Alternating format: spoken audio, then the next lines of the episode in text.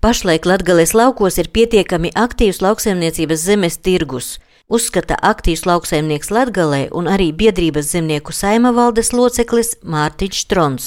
Šodien arī pabraucot pa Latgales laukiem, mēs redzam, ka nesakoptu lauku ir krietni mazāk parādās, jā, saimnieki, kas varbūt sāk no jauna nodarboties, nezinu, ar graudkopību, ar, ar gaļaslopu audzēšanu, ir esošās varbūt graudkopības un pienlopkopības saimniecības, kas attīstās uh, diezgan uh, lielos tempos.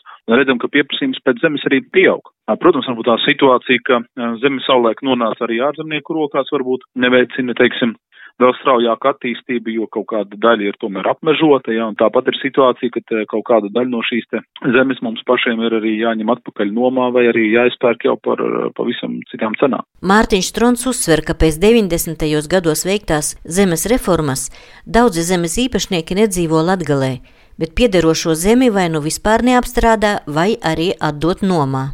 Aptuveni 30% no zemēm kopsaimnieko lauksainieku ir īpašums. Protams, varbūt tās saimniecības, kuras jau strādā ilgstošāk, teiksim, lauksaimniecības nozarē, tur varbūt šī te proporcija krietni savādāk, tur varbūt 70% ir īpašumā un 30% ir nomā, jā. Ir jautājums par, par nomas maksām, vai, vai tās pašlaik adekvāti, teikt, ka nē, ka viņas uh, konkurences rezultātā paliek lielāks un brīžiem pat uh, tas cipars, ko zemes īpašnieki prasa, ir, ir neadekvāts. Jā. Pieaugot konkurencei lauksaimniecības zemes tirgū, zemes cenas kāpj ar katru gadu.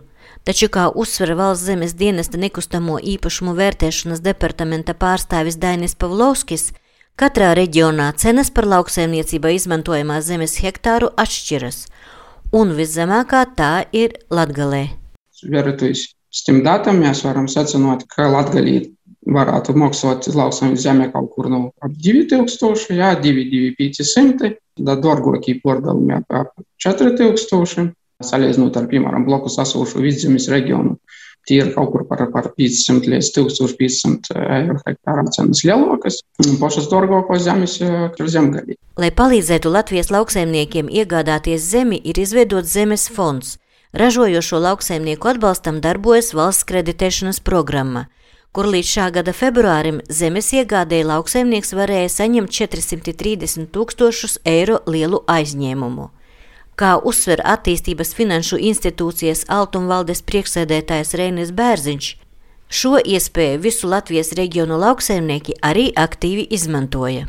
Zemes iegādes programmu mēs īstenojam kopš 2012. gada. Kopš šī laika ir piešķirti vairāk nekā 2000 aizdevuma. Kopējais šis portfels ir virs 100 miljoniem eiro. Pēdējos gados līdz Covid mēs redzējām, ka 17. un 19. gads katrā gadā vidēji izsniedzām aptuveni 300 aizdevumus, un tas apjoms, ja mēs mēram eiro, tie 13-14 miljoni eiro gadā un savukārt par šo finansējumu lauksaimnieki ir iegādājušies aptuveni 5000 hektārus.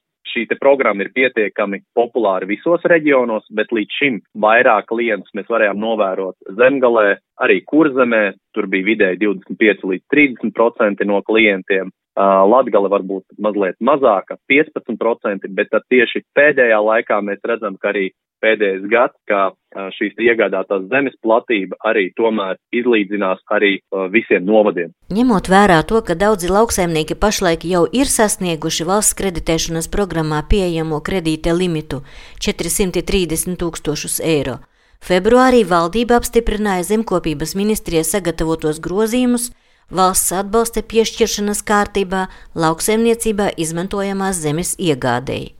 Kā uzsver zemkopības ministrijas lauku atbalsta departamenta direktora vietniece Biruta Ingiļāvičute, aizņēmuma limits zemes iegādē tika palielināts līdz vienam miljonam eiro.